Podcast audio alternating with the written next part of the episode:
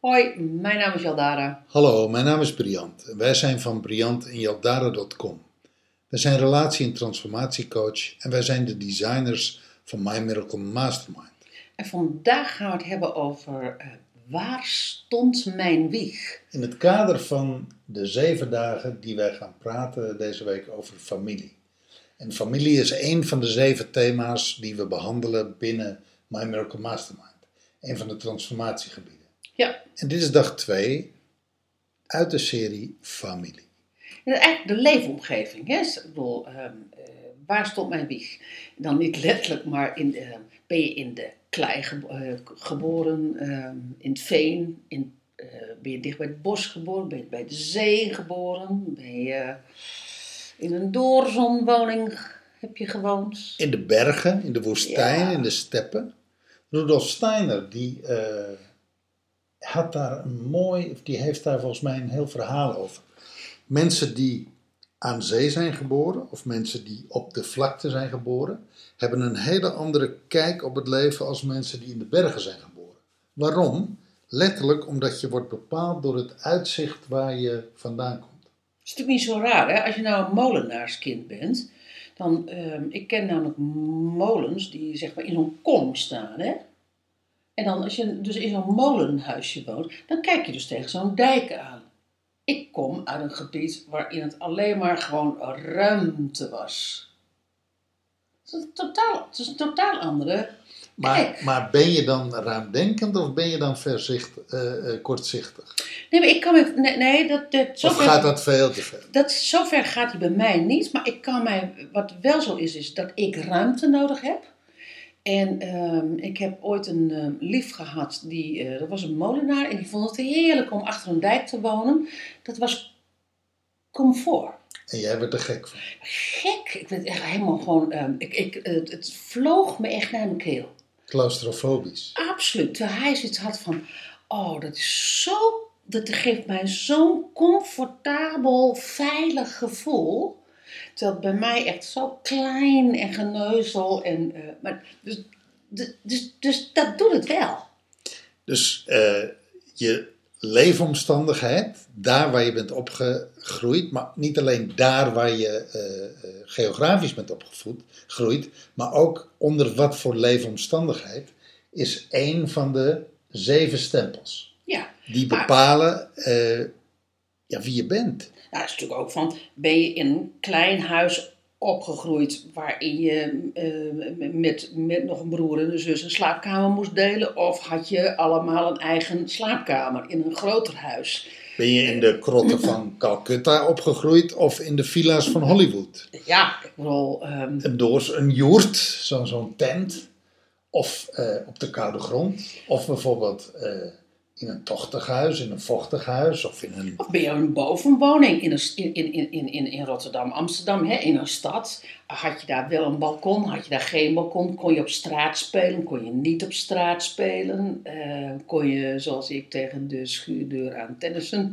dat is natuurlijk toch allemaal dat bepaalt. Hadden je ouders zoveel geld dat er personeel was? Een butler, een kok, een dienstmeid, een au pair? Of eh, was je moeder thuis? Werkte jouw vader de hele dag? Was je moeder thuis? En was je moeder huisvrouw? Ja, of moest je... Of moest- werkten ze allebei en moest jij... eh, moest mee, je- meehelpen koken of ehm, eh, moest je boodschappen doen. Weet je, dat zit hem in, dat zit hem in hele kleine dingen. Vroeger, vroeger had je misschien meer personeel, eh, meer het verhaal van personeel dat je dat nu hebt. Ehm, of, zit je, of, of kom je uit ehm, eh, een alternatief gezin waarin gezegd werd van. Ehm, nou ja, weet je, weer hele andere dingen. Of, zeg je, of kwam je uit een gezin waar iedereen één kookbeurt eh, per, per dag had, eh, waardoor je al heel vroeg zelfstandig werd.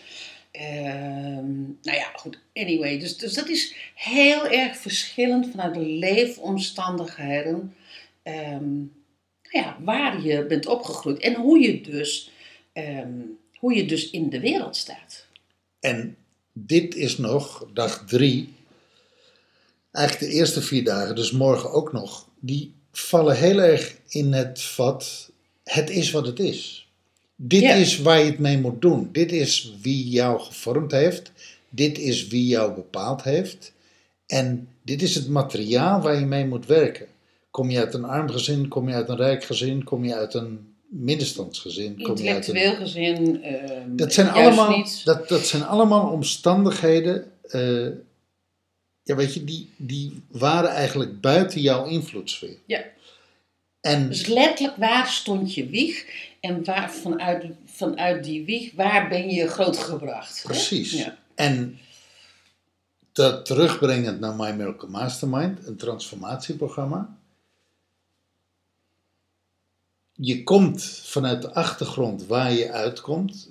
Die is wat die is, dat is bepaald.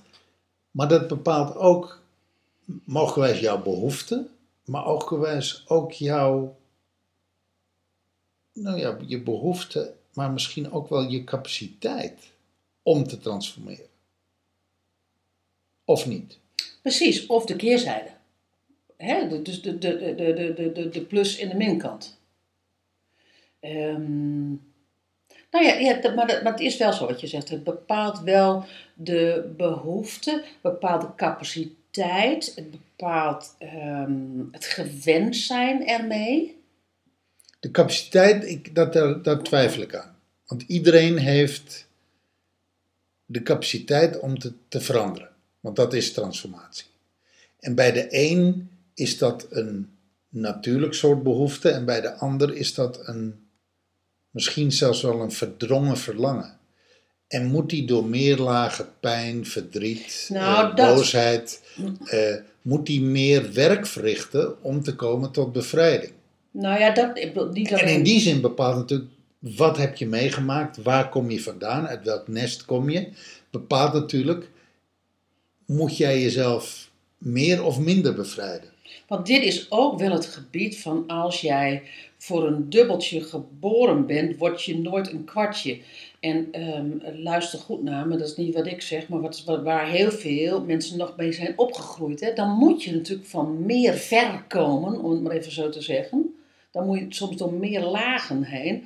Terwijl aan de andere kant er ook weer kinderen en mensen zijn die zeggen van nou dat heeft mij nou juist gemotiveerd om er gewoon zo hop, hoppa er doorheen te breken. Dus dat is ook heel verschillend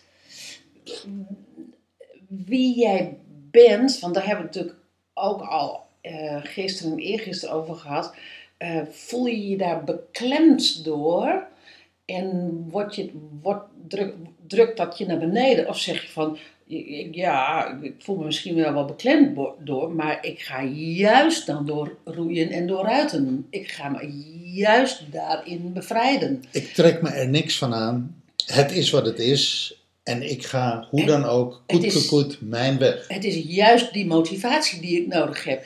Ja. Dat is natuurlijk heel erg, en daar gaan we het ook nog wel over hebben, hoe je, ja, hoe je dat verteerd hebt. Ja. Om het maar even zo te Ja. zeggen. Nou, Daar gaan we het nog een dag over hebben. Dus Ik dat ben- is nog wel leuk. Ik ben geen slachtoffer. Ja, Ik ben mijn eigen leider. ja. En mijn achtergrond mag mij dan bepaald hebben. Maar het zet mij juist aan of het zet me juist niet aan. Dat, Ja. Hè, dat- nou ja, goed dat. Dus dan is het weer in het kader van dat we ook deze dagen afsluiten met ergens een, ehm, eh, een stichtelijke oefening. Ehm, van welke leefomstandigheden hebben mij gevormd? En hoe hebben ze mij gevormd? En ook hoe leef ik nu? Waardoor ik nu leef zoals ik leef. Ja. Of juist niet. Ja, ja. dus, dus, oms- dus nou ja, weet je, het onderzoek naar leefomstandigheden van waar je uit vandaan komt en hoe je, hoe je die nu hebt. En dan misschien nog wel te gaan kijken van hoe zou ik het anders willen. Ja. Ja. En als ik al wil veranderen, hoe bevrijd ik mij uit die achtergrond, uit Ja. die context? Ja. Ja. Als ik dat wil. Precies. Oké. Dankjewel voor het luisteren. En morgen gaan we verder met de volgende. Hoi.